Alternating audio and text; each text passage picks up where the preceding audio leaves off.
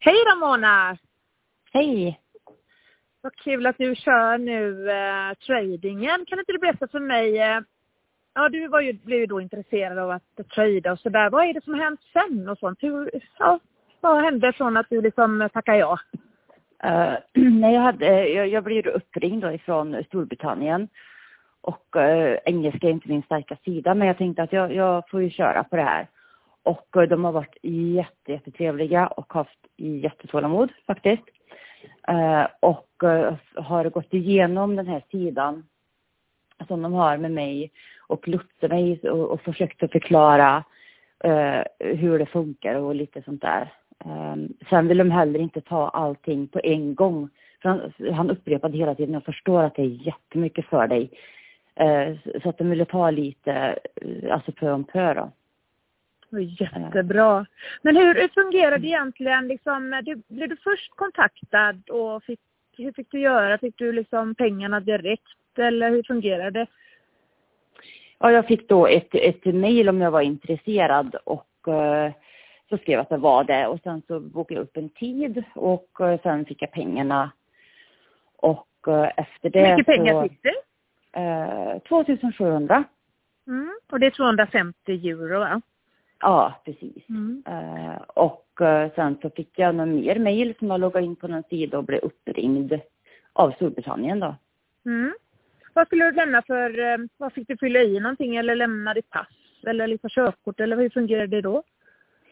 Ja, jag fick ju ladda upp det på deras sida med mitt körkort och uh, mitt kreditkort då. Och då mm. uh, tog jag bort några siffror och uh, så suddade jag så inte hela mitt personnummer syns då. Och på baksidan körkortet där så tog jag också bort den här skanningskoden. Men gud vad bra. Mm. Mm. Det var ett smart tips. Sen när det bara kom till det här med att betala och sånt, var det några diskussioner kring det eller så? Eller hur? Var det bara så? Nej, han, för, han frågade om, om, jag, om det var första gången eller om jag kunde det här. Jag sa att det var första gången. Så han föreslog 200 USD på en gång. Och, eh, eh, euro va? Euro eller inte USD. Alltså var det 200 USD bara kanske? Ja. Jaha.